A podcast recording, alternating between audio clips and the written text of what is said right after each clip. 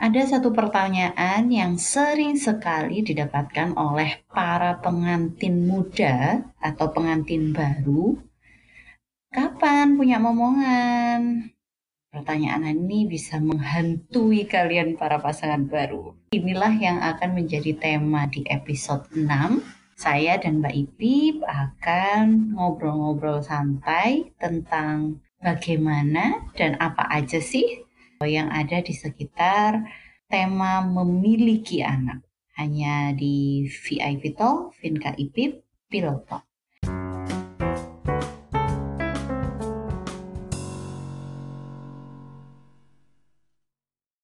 Selamat malam Mbak Ipip. Eh, ini malam apa enggak ya? Pasti Selamat sore Mbak Vinka.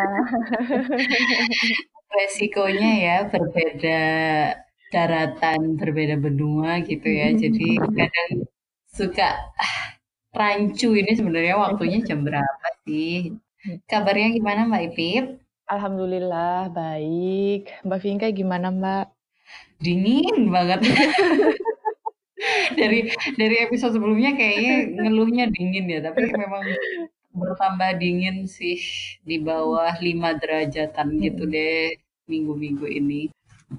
Ya, jadinya kita ngobrol santai aja Mbak Ipip. Ini bahasannya agak lumayan dibilang berat berat, dibilang enggak juga enggak. Kita mau ngobrol tentang memiliki anak.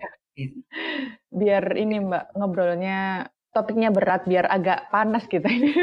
oh, biar agak panas, biar nggak dingin ya berarti. Biar nggak dingin ini.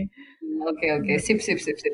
Boleh itu mindsetnya harus harus dibikin kayak gitu.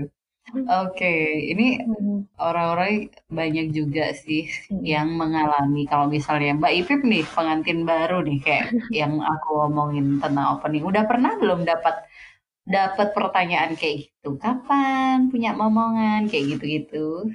Kayaknya nggak nggak exactly kayak, oh, "Kapan punya momongan?" Gitu, karena kan memang baru banget kan, baru sebulan nikah terus udah berpisah gitu. Palingan ditanyain, "Oh, nanti ini ya, nunda ya pasti ya?" Gitu, kayak gitu-gitu. Ah.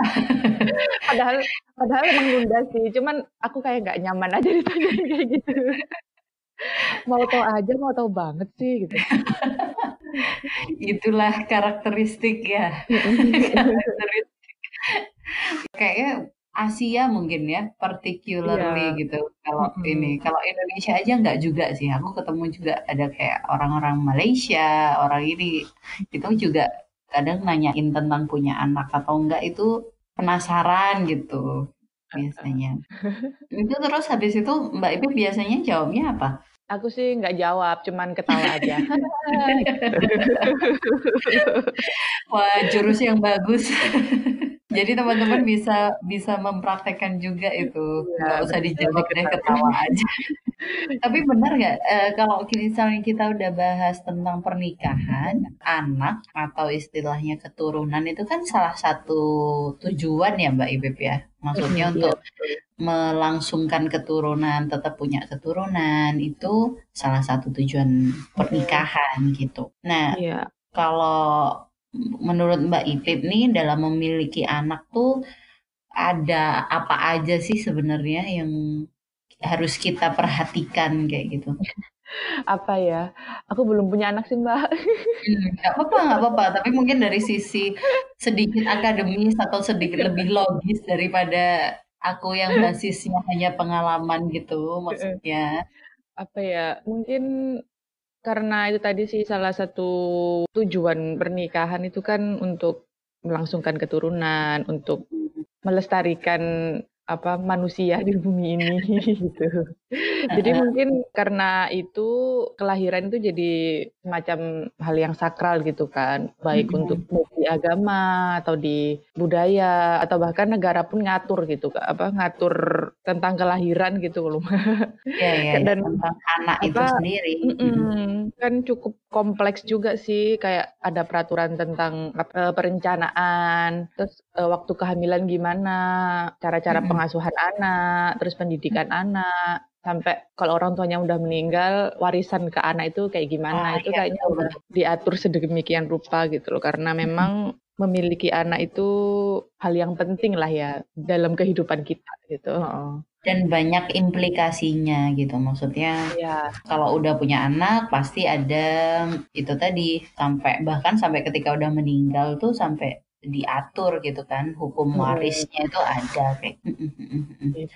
Itu yang kita perlu perhatikan jadi ya tentang Mhm. perencanaan, tentang mulai dari kehamilannya juga, pengasuhan itu tadi. Mbak Ivi bilang. Iya. Oke kalau gitu kita mulai dari perencanaan dulu gitu. Kalau kita iya. merencanakan gitu. Yang direncanakan biasanya adalah jumlah anak. Jumlah, iya jumlah. Anak. Jadi ini Iya. bahkan bisa jadi perdebatan karena sampai Mhm. ada apa ya, ada ada pengaruh dari budaya, ada pengaruh dari agama juga tentang jumlah Iya. anak itu. Negara pun itu punya dalam tanda kutip anjuran tentang jumlah anak Iya. itu. Nah, jadi itu cukup saling jalin menjalin ini masalahnya. Kita ngomongin dari Kalau apa dulu Mbak Ivi? kalau di eee, ini deh, dari culture dulu.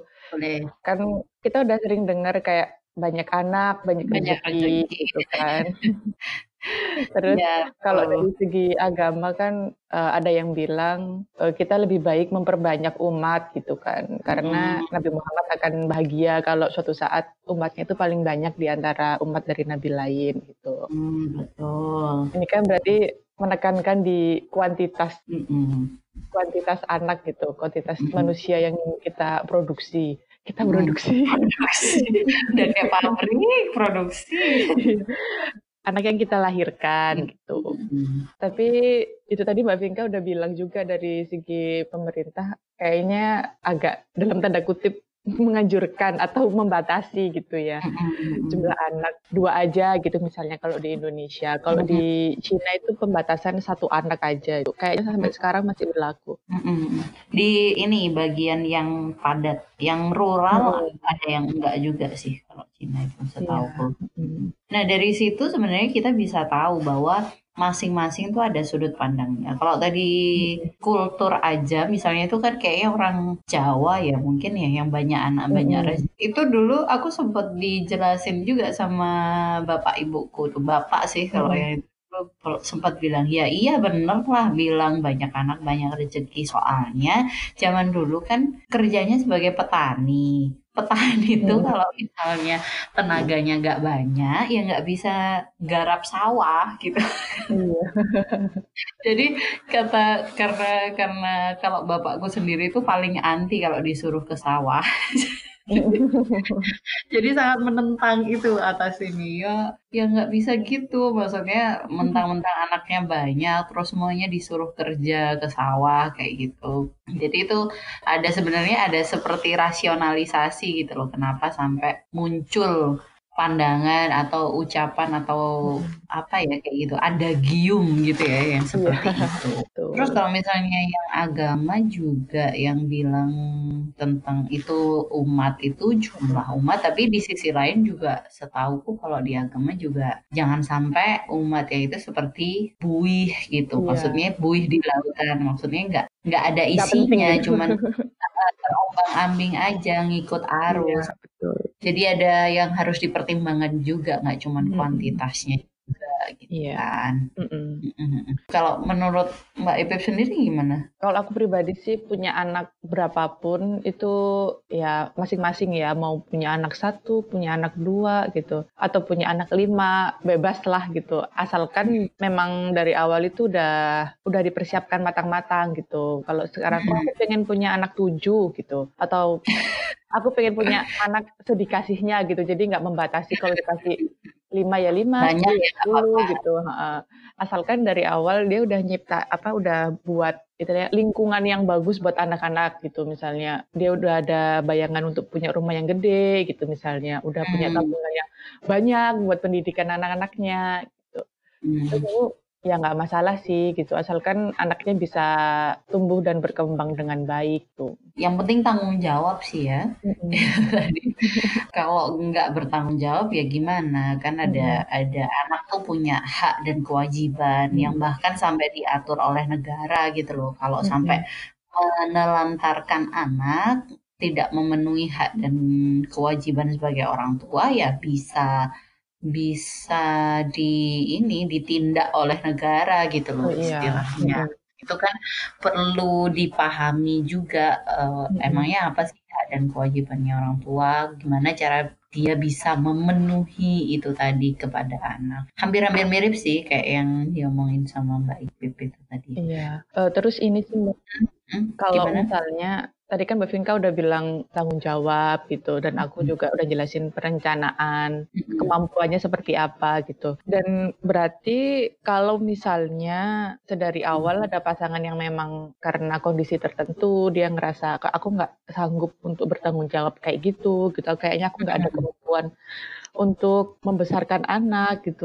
Mhm Mungkin nggak ya mereka ini ya memutuskan untuk ya udah deh kayaknya lebih baik aku nggak usah punya anak aja gitu. Mmm, iya ini ini ada kalau nggak salah ada istilahnya child free marriage ya kalau nggak salah ya, mhm. eee, Oh iya, itu kalau yang aku belajar, yang aku lihat dari Mhm. sini itu sebenarnya jamak, maksudnya banyak, nggak nggak Mhm. cuman 1, 2 gitu loh. Karena memang tiap orang kan punya kemampuan untuk mengukur diri, apa ya, bisa nggak gitu loh punya anak, karena itu tadi ada hak dan kewajiban dan segalanya. Dan juga memang pasangan itu ketika sudah mengkomunikasikan dari awal, ya menurutku itu sah-sah saja. Meskipun mungkin bagi banyak orang di di Indonesia yang tidak setuju atas pandangan ini ya Mhm. ya apa-apa sih gitu. Tapi kalau menurutku pribadi itu ya sah-sah saja daripada misalnya memang ada tendensi abusive misalnya bet yang tidak bisa ditahan atau tidak bisa kan kadang-kadang gitu kita nggak bisa ya me menghakimi seseorang itu Iya. atas atas keputusan dia gitu. Selama ini sudah diomongin dari awal sama kedua orang atau pasangan ini, Mhm. menurutku ya nggak apa-apa. Yang bermasalah kan kalau misalnya nggak diomongin dari awal, karena nantinya yang satunya pengen punya anak, yang satu nggak mau, kan terus gimana dong Iya. nasib mereka? Yang penting ya tadi, diomongin itu aja ya Mbak ya sama pasangan, kalau memang udah keduanya sama-sama setuju ya why not gitu. Mhm, betul betul. Karena efeknya kan sampai lama gitu. Oh Iya. aku tahu contoh yang Mhm. mungkin teman-teman bisa bisa lihat itu, aku dulu pernah ngobrol sama tahu ini nggak, Ayu Utami nggak? Mhm. Mmm, penulis itu loh, eee, Iya, Parasit heeh. Lajang. Iya Dia iya. kan sempat sempat kontroversial karena dia Mhm. sendiri yang menulis Parasit Lajang, tapi bebe hampir 10 tahun setelahnya bukan sih kalau nggak salah 9 tahun apa 8 tahun ya, pokoknya Mhm. beberapa tahun setelahnya dia sendiri menikah gitu loh. Heeh. Itu kan kemudian banyak fans-nya yang merasa terkhianati. Gimana sih kalau Om udah me menuliskan tentang Parasit Lajang, tapi kenapa kok akhirnya menikah? Heeh heeh. Nah, yang yang dia nikahi itu namanya Mas Erik Prasetya, itu kurator fotografi, dosen fotografi juga di IKJ. Mhm. Nah, aku sempet punya pengalaman ngobrol sama sama Mas Eriknya sendiri itu Mhm. dan dengan iseng aja karena ini jadi mungkin 1 tahun setelah pernikahan mereka, itu itu gimana Mas ngadepin ngadepin orang-orang Mhm. fans-nya Mbak Ayu Utami yang merasa terkhianati itu atas Mhm. keputusan kalian gitu menikah. Ya itu menurut kami memang itu keputusan kami berdua untuk menikah, Mhm. meskipun tahu pasti banyak yang merasa kecewa. Terus dari situ ya kami mungkin punya keputusan-keputusan lain yang bisa membuat orang kaget atau apa, termasuk ternyata mereka memutuskan tu untuk tidak punya anak gitu. Oke. Setelah aku mengobrol juga itu, ya mereka paham betul. Satu kan mungkin karena umur juga, umurnya ju Mhm. Mas Erik udah hampir 50 kayaknya kalau aku Mhm empat mhm. puluhan akhir kayak gitu. Ya nggak mungkin lah tujuanku untuk nikah itu hanya untuk nganter Ayu aja gitu. Dia bilang itu Mhm. secara gamblang bahwa tujuan pernikahan dia adalah untuk mendukung dan dalam tanda kutip "mengantar" mereka berdua untuk ke jenjang yang lebih baik. Tapi Mhm. anak itu tidak ada di dalamnya gitu loh. Nah, itu kan contoh bahwa ada juga orang yang memang sudah berkomitmen dan ketika berkomitmen itu mereka sudah me, apa ya mengkira-kira nantinya kayaknya ya udah nggak usah nggak usah hmm. punya anak aja kayak gitu. dan ya, udah paham sih kayaknya maksudnya udah paham ininya, udah paham efeknya nanti bakal kayak gimana kayak gitu. Jadi mereka udah siap aja ketika orang-orang punya komentar apa juga ya hmm. udah wong kitanya nggak mau gitu ya seperti itulah iya mm-hmm.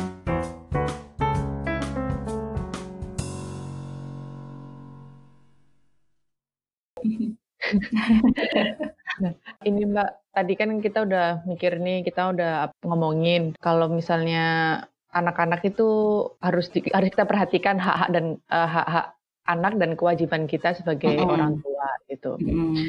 Nah ini aku baru tahu juga kalau ternyata mm-hmm. konvensi hak-hak anak atau dalam bahasa Inggrisnya children rights mm-hmm. itu mereka mengklasifikasikan ada tiga, tiga poin penting hak-hak anak. Mm-hmm.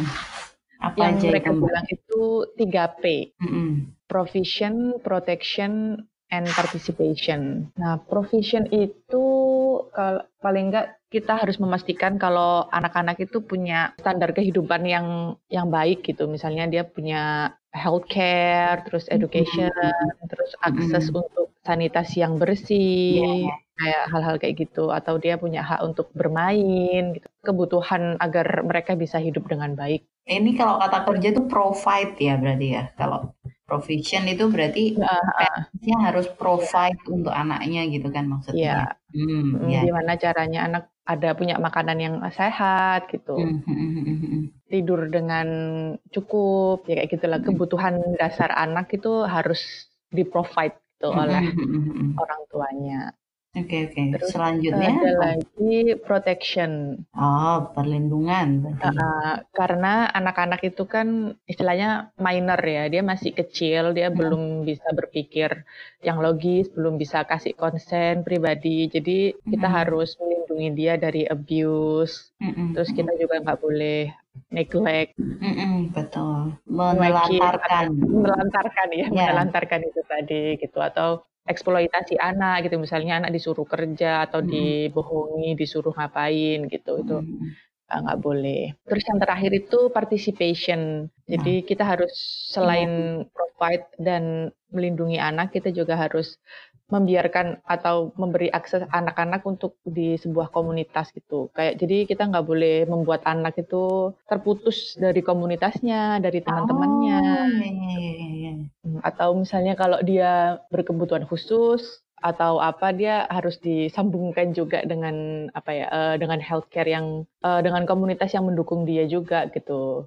Oh. Jadi kalau misalnya anak-anak disuruh di dalam rumah aja, nggak boleh ketemu sama siapa-siapa, itu kita melanggar hak anak juga gitu. Karena hmm. dia memang bagian bagian dari masyarakat. Ah, I see. Kalau yang provision sama protection kayaknya lebih mudah dipahami ya. Tapi kalau yang iya. participation yeah. ini baru denger ini aku Mbak Ipip. Jadi ternyata kayak gitu ya. Maksudnya harus anak hmm. tuh itu tadi harus punya akses terhadap komunitas, tahu hmm. bagaimana bersosialisasi kayak gitu kan istilahnya ya. Hmm. Iya betul. Ya, Termasuk ya, ya. juga kita kalau misalnya mereka punya pendapat gitu atau ingin hmm. menyuarakan suaranya gitu hmm. dengan komunitas atau dengan teman-temannya itu kita nggak boleh menghalangi. Jadi ingat sama Greta Thunberg.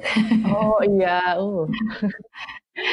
kan maksudnya masih muda hmm. gitu kan hmm. terus dia ya Asperger juga kan kalau nggak salah aku yang baca itu dan itu berarti orang tuanya memberikan akses betul itu iya. Dia jadi bisa bersuara gitu kan istilahnya. Iya betul sekali. Wah hebat ya dia. Sayang dia nggak ke Minnesota lo kemarin waktu dia di US tuh. Aku ke mana ya kalau dia di sekitar dia, dia kan sempat ke US ke beberapa tempat gitu. Sayangnya dia nggak mampir ke Minnesota. Oh. tapi kalau ada mungkin kan aku ikut itu Iya, ya untunglah ada semacam dalam tanda kutip gebrakan gitu kan istilahnya Iya, itu dari younger age apalagi kan. Mhm. Jadi lebih lebih terasa gebrakannya. Mhm, iya Mhm. betul. Kalau dia nggak dapat akses participation yang baik dari orang tuanya, mungkin dia nggak bakal bisa semelejit itu gitu si Greta.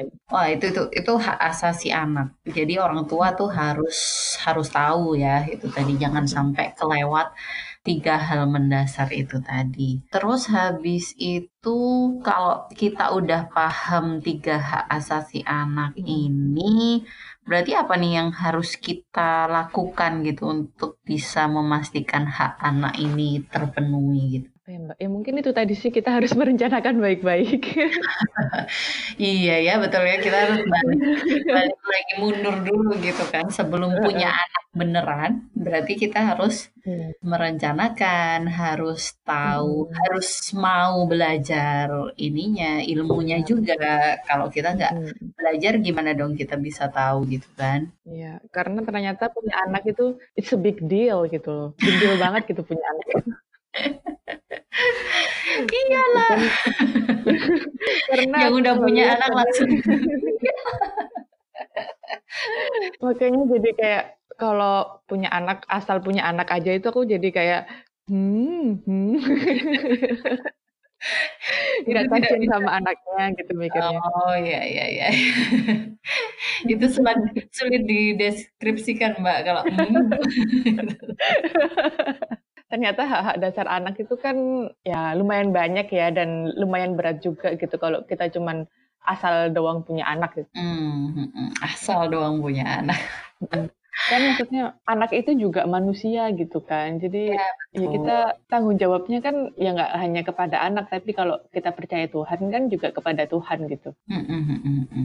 Oke, kalau ngomong perencanaan untuk punya anak, ini kayaknya ada hubungannya sama yang harus kita omongin juga itu ada hubungannya sama kontrasepsi. Menurutku, Mbak Ipip, itu Mmm, ada oh hubungannya iya. karena perencanaan anak tuh yang praktikal itu adalah dengan mhm. dengan Kontrasepsi. kontrasepsi. Kontrasepsi Mmm, ini iya. kalau kita omongin, itu pasti juga ada pro dan kontra. Macem-macem, pasti kan pasti kayak gitu, ada pro dan kontra. Mhm. Yang pro tentu saja karena kontrasepsi itu sangat membantu untuk perencanaan yang matang, kita bisa mengatur Mhm. kira-kira kapan kita bisa punya kans untuk punya anak atau istilahnya mhm. bisa hamil kayak gitu dan kapan yang enggak. Tapi pertanyaan yang biasanya dalam tanda kutip "berdengung" gitu kan di di para yang mau nikah atau yang sudah nikah tapi masih baru nikah kayak gitu, Mhm. sebenarnya kontrasepsi tuh aman nggak sih? Terus Iya, apa itu, betul. atau yang lebih mendasar lagi, boleh nggak sih kita pakai kontrasepsi? Iya. Nggak sih gitu pakai kontrasepsi Nah, betul betul. Kalau ini, apa namanya, Mbak Ipip gimana? Yang sebagai yang baru nikah, apakah juga Iya. punya pertanyaan seperti itu? Iya sih, aku dengan kontrasepsi tuh agak, apa ya, walaupun aku sudah menikah, tapi tuh kayak, apa ya, jauh gitu loh, Mbak. Aku nggak begitu tahu dan nggak begitu benar-benar mengalami kontrasepsi gitu, nggak begitu relate gitu. Mhm mhm. Memang ketika setelah menikah kami sepakat untuk menunda karena nggak mungkin banget karena alasan geografis ya, saya di sini, suami di Indonesia. Kami memutuskan untuk nggak mungkin ki eee, nggak mungkin kita hamil dulu gitu. Nanti nunggu nunggu kita bareng-bareng lagi baru, eee, bisa kita hamil gitu. Nah, tapi kami juga belum belum konsultasi dengan bidan atau dengan dokter gitu soal kontrasepsi ini, karena kami belum tahu yang pas itu yang mana gitu. Soalnya sebelum menikah itu aku sempet pakai kontrasepsi, Mbak Vinka. Mhm, oke. Eee, apa ada alasan maksudnya ada alasan kesehatan kah atau apa? Biasanya kan kayak gitu. Iya, ada ya ada alasan kesehatan karena aku sama dokter di apa karena memang ada keluhan menstruasi ya mm. itu sama dokter dikasih resep disuruh pakai kontrasepsi mm. yang sebenarnya cara kerjanya sama dengan pil KB cuman ini kayak patch gitu jadi ditempel kayak koyok di badan. Mm. Nah awal ketika saya dikasih resep itu tuh saya kayak shock gitu loh jadi kayak Aku bilang ke dokternya, "Dok, saya ini belum, uh, sexually aktif gitu dan saya belum menikah gitu, emangnya nggak apa-apa pakai hmm. pakai alat kontrasepsi ini?" Gitu. Terus dokternya itu kayak, ya mungkin dia agak kaget juga gitu kan, "Saya udah umur segini kok masih tanya kayak gitu." Mungkin dalam bayangannya itu saya sungguh polos, terus dia jelasin. Sungguh naif anak ini. Sungguh naif.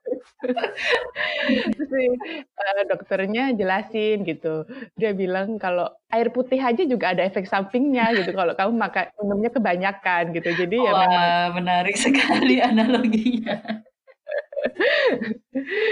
Tapi lucu sih dokter-dokter di sini tuh baik-baik banget. Maksudnya kalau ngasih penjelasan itu detail, hmm. tanpa apa ya, tanpa mengurangi rasa hormat kepada pasien. Gitu. Oh iya iya iya. Ya terus dia jelasin kalau nggak apa-apa ini salah satu bentuk pengobatan dan itu nggak akan nggak akan mempengaruhi kondisi apa, reproduksi kamu gitu. Kalau misalnya nanti kamu pengen punya anak ya tinggal dilepas aja kan. Hmm. Si dokternya bilang. Oh oke. Okay. Jadi saya waktu itu tercerahkan, Mbak. Oh, oke. Okay. Saya jadi tahu tentang uh, kontrasepsi ini karena kan memang orang kalau orang apa ya di sekitar saya dulu tuh kalau misalnya ada pasangan terus langsung KB itu kan kayak kok belum punya anak kok udah KB nanti nggak punya punya anak kan gitu sih Mbak. Iya nggak sih Mbak? Ya, betul. I've been there and that. Sudah merasakan kayak gitu juga. Maksudnya mendapatkan dalam tanda kutip apa prejudice bukan stigma atau iya. apa ya kayak gitu prasangka gitu ya. Nyinyiran. Nyinyiran. Hmm, tapi kalau aku memang mungkin agak berbeda pip. Kalau di sini kontrasepsi itu untukku itu dekat maksudnya dekat itu jadi ya cukup akrab dan sering diungkapkan itu karena ibuku terutama itu sangat terbuka kalau masalah tentang obrolan tentang seks, tentang pernikahan, tentang salah satunya juga tentang kontrasepsi. Jadi sudah ditanam karena sudah terbiasa terbuka atas itu dan juga karena mungkin aku punya dua kakak perempuan ya yang jaraknya cukup jauh. Jadi kakak pertama aku kan 9 tahun jaraknya sama aku. Jadi hmm. beliau sudah menikah itu ketika aku masih awal kuliah gitu kan. Jadi itu sudah ketika bareng-bareng ngumpul gitu udah pakai KB. Ibuku itu udah langsung belak-belakan aja KB aja dulu. Kalau misalnya masih pengen kerja ya udah Pak harus KB ngobrol dulu datang ke bidan tanya apa KB-nya yang bagus yang cocok. Karena memang itu kontrasepsi juga ada istilah cocok atau nggak cocok di tubuh tubuh pemakainya kayak gitu. Misalnya kayak kakakku tuh nggak cocok pakai pakai apa ya yang nggak cocok? Kalau suntik tuh ada efek sampingnya kalau IUD juga ada efek sampingnya kayak gitu. Mm-hmm. Akhirnya kemudian memilih menggunakan kondom seperti itu. Mm-hmm. Nah, terus kalau aku juga ada efek sampingnya juga. Jadi jadi ada pil yang ini efek sampingnya gimana. Terus oh, gitu. uh, ibuku juga jadi makanya kalau misalnya punya kakak perempuan, punya ibu itu mm-hmm. ditanyain juga karena biasanya ada kemiripan. Oh iya betul. Mm, secara genetik kan ya namanya juga anaknya ya. Jadi separuh mm-hmm. separuhnya kan yeah. pasti ditentukan dari ibu. Jadi ibuku sama kakakku nggak mm-hmm. cocok IUD karena akhirnya menstruasinya jadi ugal-ugalan gitulah nggak karuan mm-hmm. lancar gitu sampai kalau yang ibuku dulu ini juga mungkin karena IUD zaman dulu ya jadi nggak ini sempet kalau orang bilang apa miskram ya jadi hampir oh. jadi gitu jadi tetap tetap hampir jadi janin kayak gitu meskipun sudah pakai IUD kalau karena karena sangat terbuka ngobrolinnya juga santai tentang kontrasepsi itu ada mungkin ya eh, teman-teman mungkin atau IPIP juga pernah dengar bahwa kalau dalam Islam kan ada pro pro kontra juga. Oh iya. Mm. Ini ada yang sampai dalam tanda kutip takut akhirnya. Bahkan untuk ngobrolin tentang kontrasepsi aja jadi takut karena takutnya uh, dicap itu tadi misalnya menghalangi kehendak Tuhan misalnya. Yeah. itu kayak kayak disi kersaning Gusti ya kalau bahasa nih bahasanya oh, bahasa Jawa ya kan kayak gitu mendahului. Yeah. Nah, tapi menurutku yang perlu di diluruskan adalah ya jangan sampai hanya karena itu tadi jadi nggak mau belajar gitu loh, nggak mau cari tahu Oh, iya. sebenarnya kontrasepsi itu apa, bagaimana, fungsinya apa.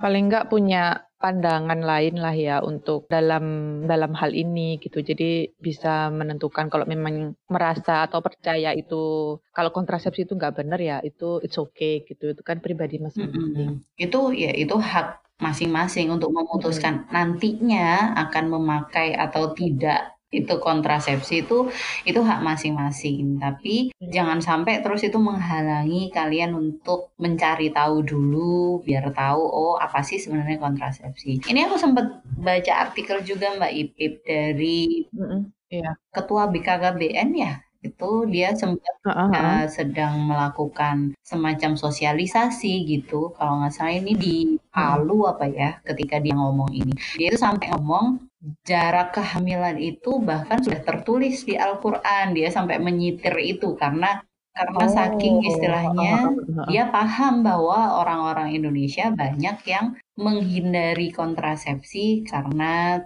takut itu tadi tidak tidak benar menurut agama istilahnya itu. Nah dia dia sampai bilang hmm. bahwa jarak kelahiran itu diatur sama Allah di dalam Al-Quran itu 30 bulan tertulis secara hmm. eksplisit tidak usah ditafsir. Ini aku mengutip aja ya ini di bulan di tahun 2019 kok ini dia bilang. Hmm. sementara WHO itu menganjurkan 33 bulan. Nah jadi dia bilang bahwa WHO itu yang isinya profesor-profesor itu tapi Al-Quran tidak kalah dengan WHO maksudnya jaraknya kan cuma beda tiga bulan aja.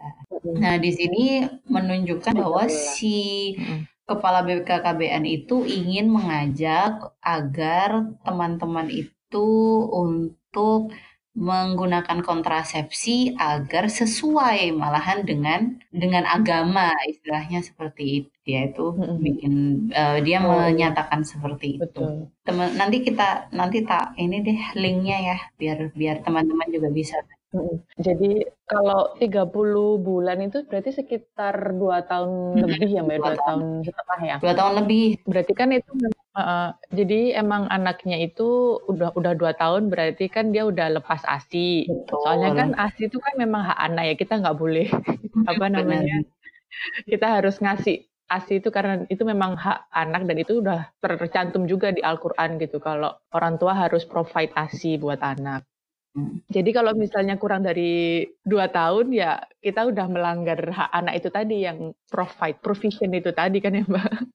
Meskipun dengan ya. dengan catatan juga karena memang aku juga tahu sih ada orang-orang yang secara misalnya secara medis tidak mampu untuk bisa hmm. atau apa itu juga tidak mengurangi betul betul betul ada sebagai orang tua gitu kan. Hmm. Iya. Tapi Mungkin. bahwa itu harus diusahakan, maksudnya kan kayak gitu. Harus diusahakan dulu kan kayak gitu kan. Maksud Karena dikasih waktu 30 bulan itu tadi kan. Jadi terus juga 30 bulan mungkin orang tua juga bisa istilahnya nabung lah ya Mbak ya, untuk apa dari kondisi finansial bisa merencanakan lagi oh habis lahiran terus ada waktu dua setengah tahun untuk mempersiapkan misalnya kebutuhan bayi, kebutuhan anak yang lain, terus mempersiapkan kondisi kondisi finansial keluarga gitu. Jadi biar hak-hak kakak beradik ini tetap terjamin gitu. Hmm. Tapi kalau ini Mbak Ipip sendiri tadi bilang karena alasan geografis ya untuk perencanaan anak. Tapi kalau yang kayak finansial apa-apa gitu-gitu juga udah diobrolin belum Pak Atau Oh sudah iya tentu dong. Karena selain geografis juga finansial. Ya kan di sini saya kuliah jadi kayak istilahnya dalam tanda kutip sobat Miss Queen. Nggak kerja. Berarti itu juga Iya. jadi ini pertimbangan Mbak Ipip juga kan Iya, gitu betul. ketika Iya, merencanakan. Soalnya kalau aku tuh dulu tuh kan aku memang kontrasepsi ya, aku memang pakai pil KB ya. Aku menunda dulu untuk gak punya anak. Itu karena sesederhana karena ya memang belum mampu gitu loh secara duit secara mhm. Ya emang belum mampu, aku nggak mau juga sih nanti juga lahiran tuh juga dulu tuh sampai bener-bener nulis sih kalau misalnya lahiran sempet survei gitu. Jadi rata-rata kalau misalnya sesar tuh habis berapa, kalau misalnya di bidan tuh berapa, sampai kayak gitu soalnya. Berarti kita harus punya tabungan berapa untuk berani punya anak kayak gitulah istilahnya. Betul betul. Jadi Karena kontrol tiap bulan pun juga duit ya, Mbak, ya.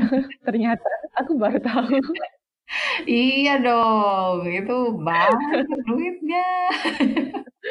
Itu juga atas ini sih, belajar juga dari kakakku yang Mhm. pertama tuh kebetulan juga jaraknya antara anak yang pertama sama anak kedua itu cuma 18 bulan apa pokoknya kalau nggak kurang dari itu. Dan itu tuh kami aku dan suami tuh melihatnya tuh sangat, wah ternyata susah banget ya, perjuangannya itu berat sekali kayak gitu. Jadi kami juga bercermin dari situ, bahwa memang ya sudahlah ayo kita pakai kontrasepsi dulu, pakai pil KB dulu karena memang nggak mampu, kayak gitu, merasa tidak mampu. Ya masih bisa didebat sih, pasti ada juga orang yang debat Iya. bahwa kayak rezeki anak tuh punya rezeki masing-masing, apa, ya tinggal imannya aja kayak gitu-gitu, ada aja sih yang bilang kayak gitu. Tapi ya ya tiap orang punya perhitungan masing-masing, ya bolehlah, Mhm. terserah monggo Mhm. Iya. kalian akhirnya pakai kontrasepsi ataupun tidak, itu keputusan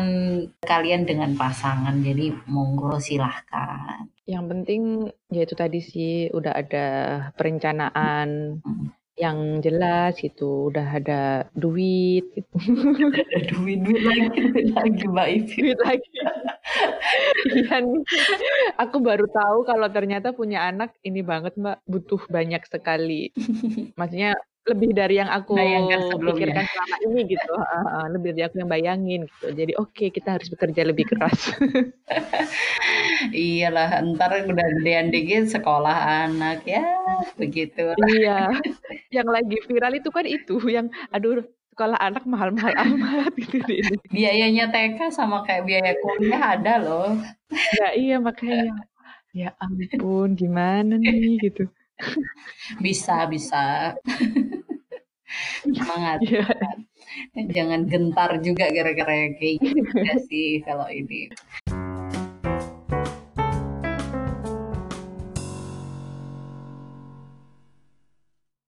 Iya. Oke, kita lanjut Mbak Ipip, udah ngobrolin itu Lanjut. tadi perencanaannya yang mulai dari kontrasepsi. Kalau kita udah berencana, terus apa lagi nih yang perlu diomongin tadi? Kalau udah berencana terus Udah tentang udah kehamilan kan hamil tadi, heeh, udah heeh heeh. tentang kehamilan, terus berarti tentang apa, pengasuhan? Iya, pengasuhan anak. Gimana ya? Gimana ya? Udah ya. mikir anak ini, mmm, yang ini sih Mbak, yang apa, yang aku garis bawahin memang, eee, pengasuhan anak itu ya tanggung jawab kedua orang tua sih, baik ibu maupun bapak gitu. Yang ma jadi masalah sebenarnya kalau itu sih bener, udah banyak juga yang Mhm tahu kan mhm. kalau bahwa pengasuhan tuh tanggung jawabnya ibu sama bapak. Nah, kalau yang di Iya. Indonesia yang banyak itu adalah bukan bukan tentang ibu bapaknya mengasuhnya, tapi tentang yang lain-lain. Maksudnya ibu mertua atau orang tua gitu. Nah, kakek neneknya, Atau tetangga gitu. tetangganya, kayak gitu-gitu.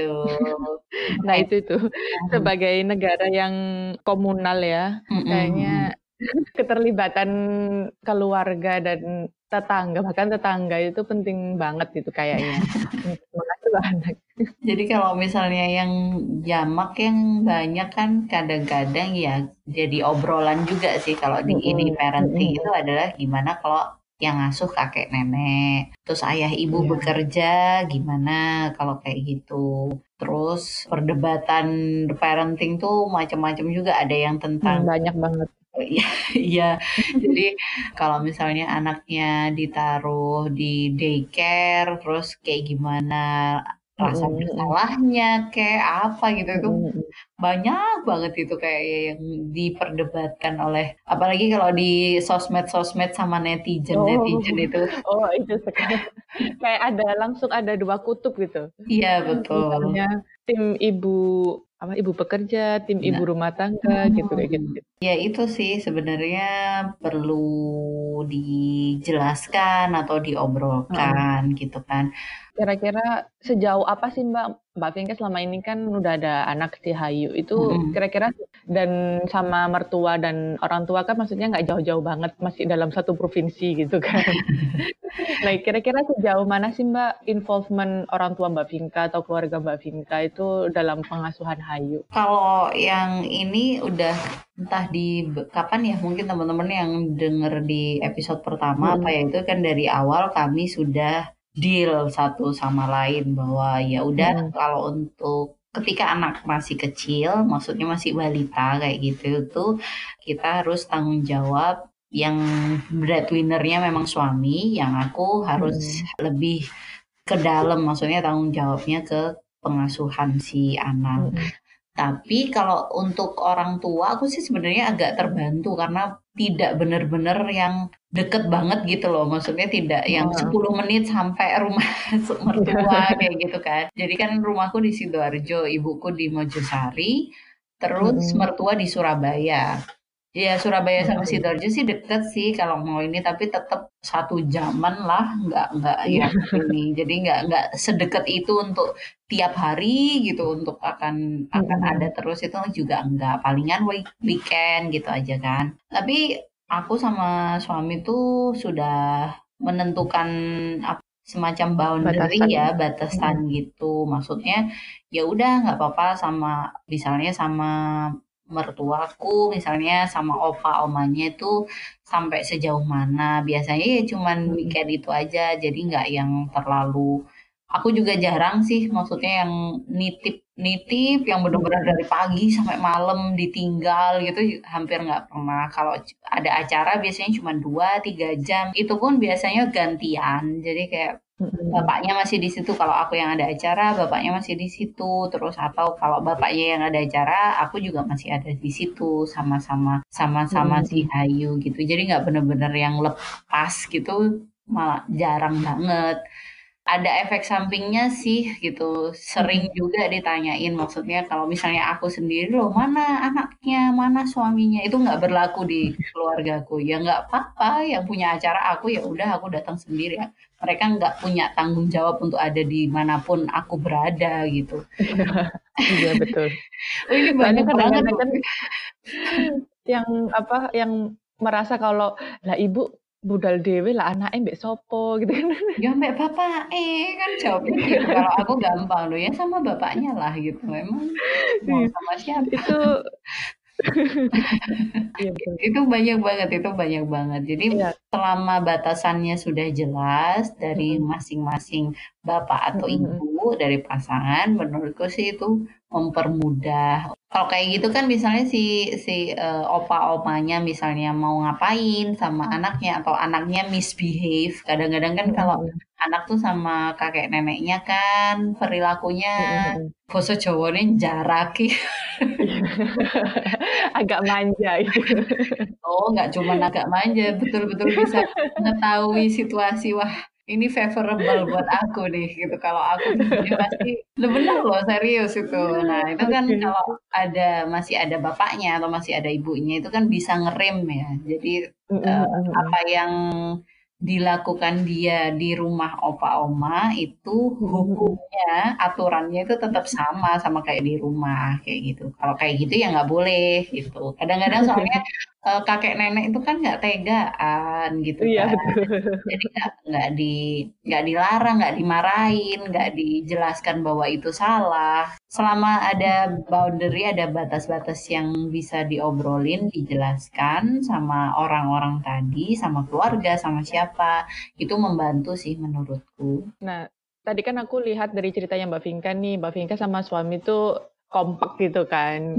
Soalnya memang udah apa udah maksudnya udah dibicarakan, dikomunikasikan, udah sepakat gitu. Tapi ternyata Mbak di luar sana itu masih ada kok beberapa temen itu yang apa suaminya itu kayak nggak mau atau mungkin nggak bisa atau gimana aku juga nggak nggak bisa menilai ya. Pokoknya intinya involvementnya itu nggak sebanyak itu gitu loh. Jadi lebih banyak sama ibunya daripada sama orang tuanya gitu.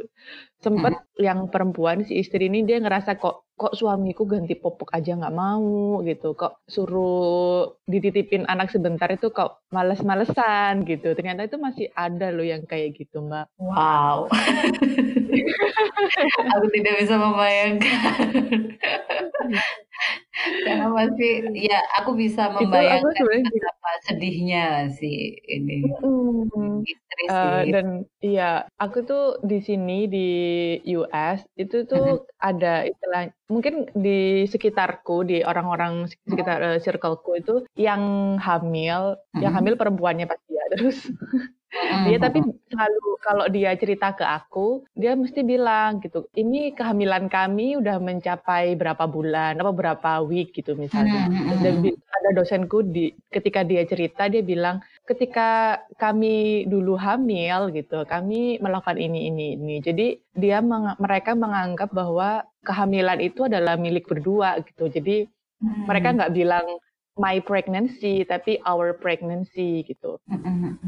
Jadi benar-benar dan suaminya pun mengiyakan gitu. Suaminya bilang dulu waktu kami hamil kami kayak gini-gini loh gitu. Jadi memang proses kehamilan itu benar-benar dimiliki oleh dua orang gitu. Menurutku ini banget sih. Wow, aku baru tahu juga gitu dan itu menurutku contoh yang bagus juga gitu untuk me meningkatkan involvement si ayah ini terhadap anaknya itu. Karena udah sadar gitu ya, maksudnya consciously hmm, karena mereka kehamilan itu mereka dalam tanda kutip dengan sadar me apa bahasanya dengan sadar memutuskan untuk hamil gitu istilahnya. Uh, ya betul anak, betul. Gitu. Jadi memang 50 persen 50 persen kan, maksudnya sahamnya lima puluh lima puluh.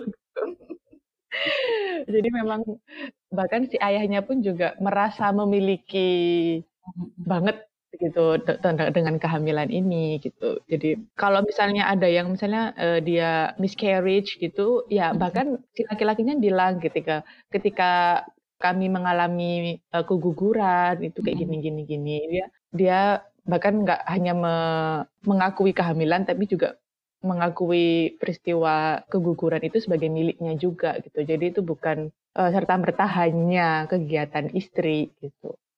Ih menarik, menarik tuh.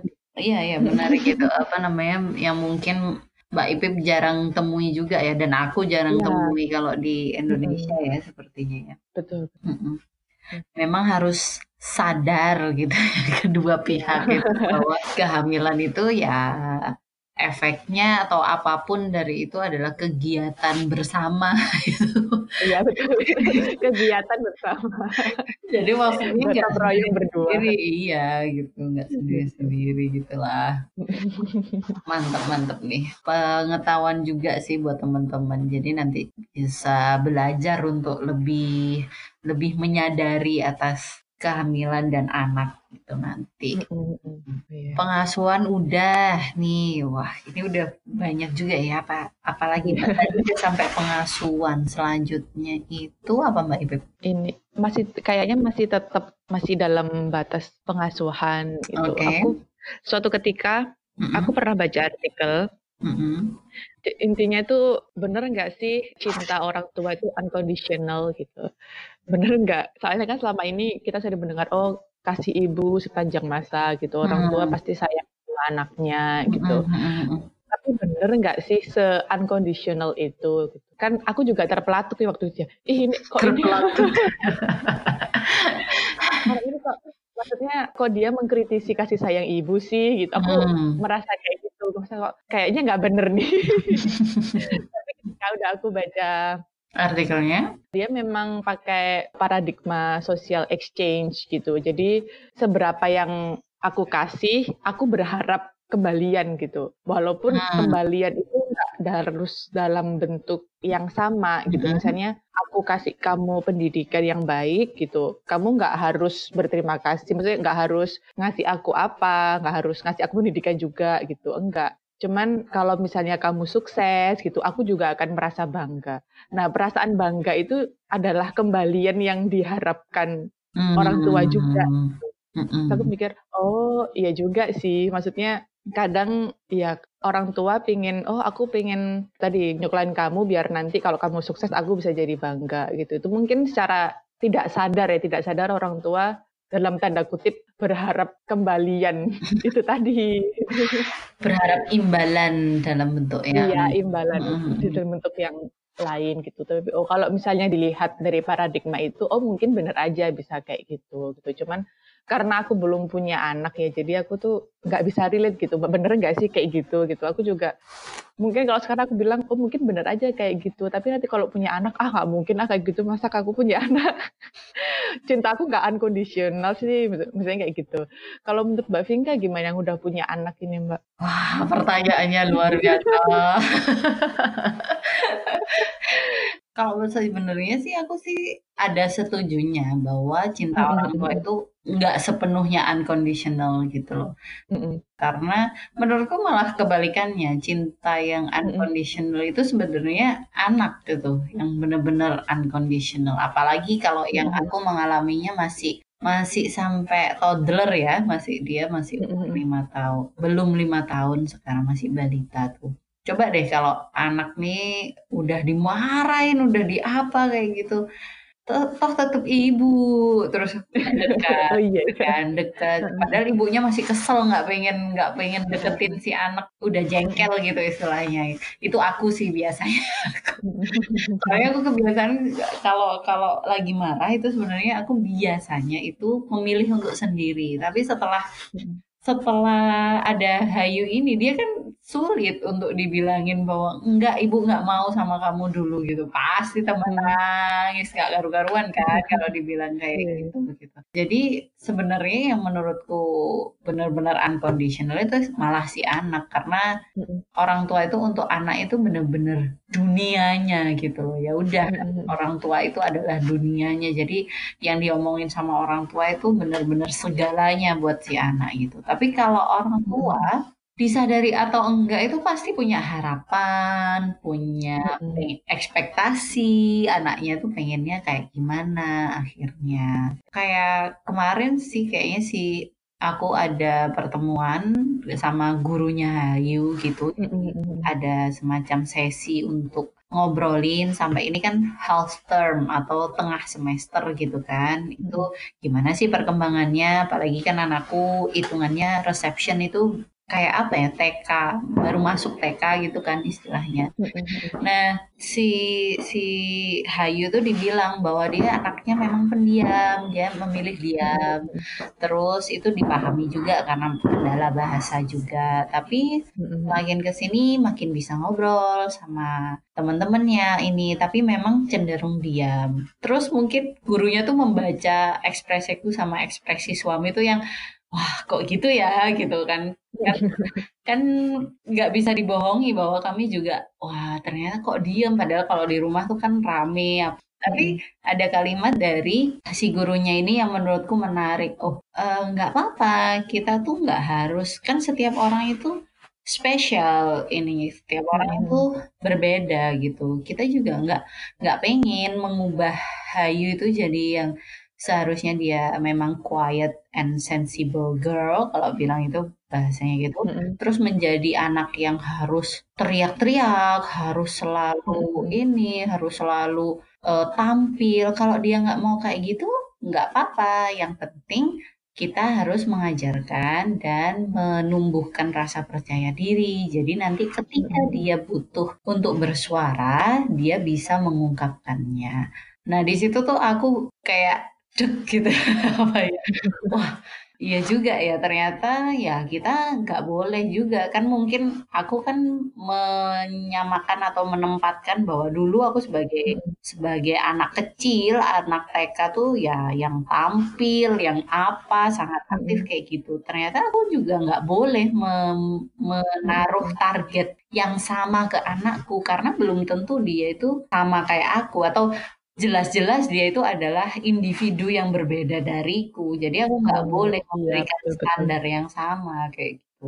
Mhm mhm. Itu sih. Jadi biar tahu gitu loh kebutuhan anak nih sebenarnya apa, Mhm mhm. ekspektasiku sebagai orang tua Iya. itu apa. Ini kan pasti ada gap kan. Menyadari keduanya itu jadi penting karena ya sebenarnya yang dia butuh bukan ekspektasiku itu tadi. Kalau aku kayak memaksakan ekspektasiku kan kasihan anaknya juga. Jadi harus benar-benar bisa membedakan ya Mbak ya, Hmm. mana sih yang dalam tanda kutip ambisi pribadi Hmm. dan mana sih benar-benar yang dibutuhkan anak gitu. Betul, setuju. Aku pun masih belajar itu tadi masih buktinya masih shock gitu kan kena kena paparan gurunya langsung shock gitu. Terus oh setelah lama dipikir-pikir oh iya juga ya gitu. Wow, itu itu sebenarnya cerminan juga sih buat aku juga. Mungkin aku mulai dari sekarang harus belajar kayak gitu kali ya Mbak ya. Soalnya kadang-kadang aku ngelihat banyak gitu orang tua yang marah misalnya marah banget karena anaknya nggak bisa di pelajaran tertentu Hmm. gitu atau misalnya anaknya nggak berhasil lomba apa gitu. Ah. Orang misalnya dia benar-benar dimarahin, kamu kok nggak bisa juara sih atau kalau kamu kok cuman gini-gini aja gitu. Itu aku sebenarnya sedih sih, tapi aku nggak tahu, aku tidak bisa menilai ini eh, kejadian apa. Ternyata kejadian itu dimulai dari ini sih, karena orang tuh tidak bisa membedakan Mm-mm. mana yang memang anaknya mau, anak yang butuhkan dan ambisi itu tadi. Mm-mm. Ambisi atau mungkin ekspektasi ya, maksudnya Ekspektasi, pengharapan, ya, pengharapan ekspektasi. dari si orang tua itu. Ya itu baru kejadian juga baru kayaknya minggu lalu deh, jadi kayak masih fresh banget. Oh iya ya ternyata aku tuh harus gini nih. ya kayak gitu, Witip. Wah, punya anak ini ya, berat juga ya. Eh, tapi sekali lagi walaupun kami memberikan contoh yang kayak kelihatannya kok susah banget, berat banget sih punya anak, tapi kalau misalnya memang punya anak, silahkan dan kita semua pasti pengen punya anak. Beber- banyak dari kita pasti pengen punya anak, tapi jangan jangan gentar punya anak gitu. Takutnya nanti takut punya anak. Enggak, apa namanya dari dari harapannya adalah dari obrolan kita teman-teman itu juga jadi jadi ada wawasan gitu loh. Iya ada betul. oh iya ya ternyata kita harus mempertimbangkan tentang itu tadi, mempertimbangkan Mm-mm. misalnya mikirin tentang kontrasepsi atau mikirin tentang itu tadi mengasuh, harus Mm-mm. mengatur ekspektasi kayak gitu-gitu. Jadi teman-teman Iya. nggak usah shock kayak aku gitu loh ketika diomongin sama si ibu guru gitu karena sudah mendengar dari ini oh iya benar ternyata kita harus mengatur ekspektasi. Fungsinya kita ngobrol di sini kan berbagi Mbak Ipi, bukan menang Iya betul.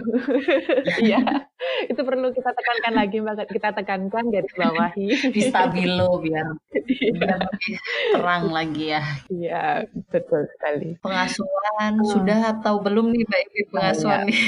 Udah kayaknya nih Mbak. Oke, terus menurut Mbak Hmm. Dari semua yang tadi kita udah obrolin, sebenarnya tugas orang tua itu apa sih? Ini yang lebih mendasar lagi. Tugas orang tua. Kalau ini aku kayaknya cerita lagi deh, ada analogi lagi, Oke. maksudnya dari apa yang sudah aku alami. Jadi kalau misalnya teman-teman tahu, aku tuh di sini kan kerja ya, kerja part time gitu. Nah, aku ke- sebelum memutuskan untuk bekerja tuh aku sudah niat, punya niat. Jadi aku tuh Mm-mm. pengen duit dari kerja itu nanti sebagian besar itu kutabung untuk bisa haji, daftar haji. Mm-mm. Nah, terus oh, niatan ini ku obrolkan sama keluarga lah. Nah, mostly rata-rata itu pertama itu loh kenapa nggak daftar haji dari dari Inggris aja? Kenapa nggak berangkat haji dari Inggris? Kan enak nggak pakai antri. Kalau teman-teman yang belum tahu kalian kalau daftar haji di Indonesia itu apalagi kalau Pulau Jawa itu antriannya bisa sampai belasan tahun. Jadi 20 tahun iya sampai 20 tahunan bahkan gitu. Jadi kalau itu yang reguler, kalau kalian mau bayar hmm. yang UNH plus itu yang haji plus itu ya bisa sih. Biasanya cuma setahun atau dua tahun kayak gitu itu bisa. Tapi memang jaraknya banget banyak banget gitu. Jadi memang bedanya lumayan hmm. signifikan. Terus aku jawab Aku jawab, soalnya kami memikirkan Hayu. Kalau misalnya Hayu ketika haji itu sama siapa nantinya. Kalau misalnya memang kami hmm. berangkat dari Inggris. Loh, ya diajak aja. Enteng banget ya ngomongnya. ketika pertama ini enteng banget ya. Emangnya duitnya gimana? Sebenarnya biayanya sama aja sih, biayanya sama mahalnya gitu hmm. dari dari Inggris atau dari Indonesia yang plus itu sama aja mahalnya. Makanya aku mikir, loh, ya kalau diajak ya buat apa? Aku aku jawabnya kayak gitu. Karena menurutku Hayu masih lima tahun, dia belum paham esensinya berhayu untuk apa gitu. Masih ada yang ngeyel juga gitu diterusin aja tuh mendebatnya itu bahwa loh ya bisa hmm. aja kalau diajarin. Kan kamu ibunya bisa mengajarkan dia apa itu berhaji apa gini gini gitu gitu panjang lah kayak gitu.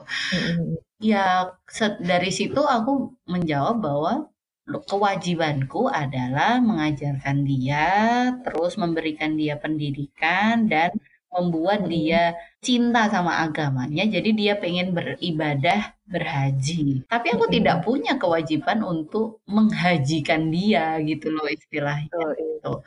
dari situ aku merasa bahwa tugas orang tua itu kewajiban orang tua itu ya itu tadi fasilitasi atau provide kayak yang Mbak Ipip obrol apa tentang hak anak itu tadi hmm. memfasilitasi, memberi pendidikan, terus istilahnya nganter gitu loh, istilahnya membekali hmm. dia untuk menghadapi kehidupan, tapi bukan berarti harus turut dalam perjalanan anak itu sendiri gitu loh. Dia yeah. punya perjalanan hidupnya sendiri kalau menurutku tugasku ya hmm. membekali itu tadi itu Mbak menurutku. Semoga clear ya maksudnya jadi Iya betul. Aku nggak nggak nggak ingin ada hmm. salah kaprah gitu loh istilahnya. Hmm. Iya betul sih Mbak. Aku setuju sih. Maksudnya orang tua itu tugasnya itu untuk istilahnya melatih anak gitu agar dia siap ketika dia sudah dewasa dia siap untuk hidup dengan dirinya sendiri gitu. Maksudnya keluar dari rumah orang tua, dia bisa untuk menjalani kehidupannya sendiri gitu loh, tanpa harus tetap hmm. bergantung uh, kepada orang tua. Dan aku jadi lupa mau ngomong apa. apa Mbak Ibu? Santai, santai, santai. Santuy dulu. Ini kan ngobrol santai. oh iya.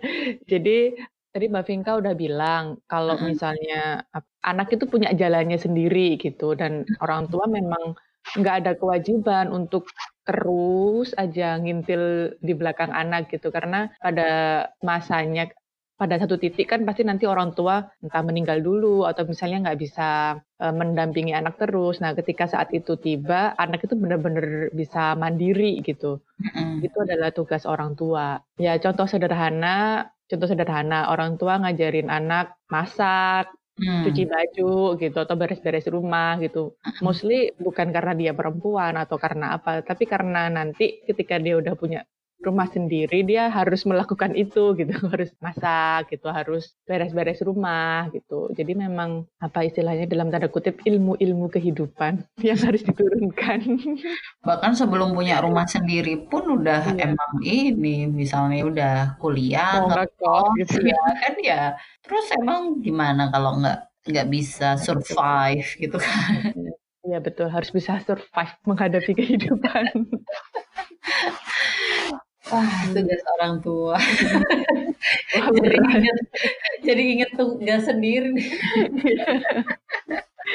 ya, gitu itu uh, ekspresiku itu sebenarnya hmm. ya jujur sih obrolan kita itu selain memberi wawasan juga supaya obrolan tentang anak itu juga semakin akrab gitu loh di teman-teman. Bahwa nggak harus kalian itu udah harus yang udah udah punya calon suami, udah punya calon istri, terus baru memperhatikan tentang anak, memperhatikan tentang itu tadi. Sebenarnya hal-hal kayak gini tuh ya diobrolin aja juga nggak apa-apa gitu, biar kalian punya uh, punya pandangan ke depannya. Iya, betul. Biar nggak dianggap berat gitu ngobrolnya. Walaupun memang topiknya berat, paling enggak paling enggak kita udah ada modal lah, modal pengetahuan atau modal pemikiran gitu untuk memulai ya itu itu tadi memikirkan tentang anak. Karena ya cepat atau lambat kalau memang pengen punya anak ya pasti akan bersinggungan juga dengan hal-hal ini gitu. Benar, benar. Terus, apakah kita sudah sampai di ujung kesimpulan? sudah kayaknya ini. Ini tadi lumayan ya, yang diobrolin mulai dari perencanaan, kehamilannya itu sendiri, ekspektasinya, terus pengasuhannya, terus tugas orang tua, ya ini tadi hmm. ini. Kesimpulannya apa nih Mbak Iprit nih? Aku yang nanya aja deh.